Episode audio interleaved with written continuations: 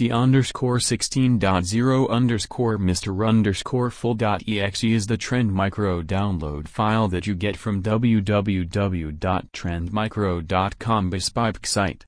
This exe file may also seem as trend micro underscore 16.0 underscore Mr. underscore full.exe and help to install the trend micro setup.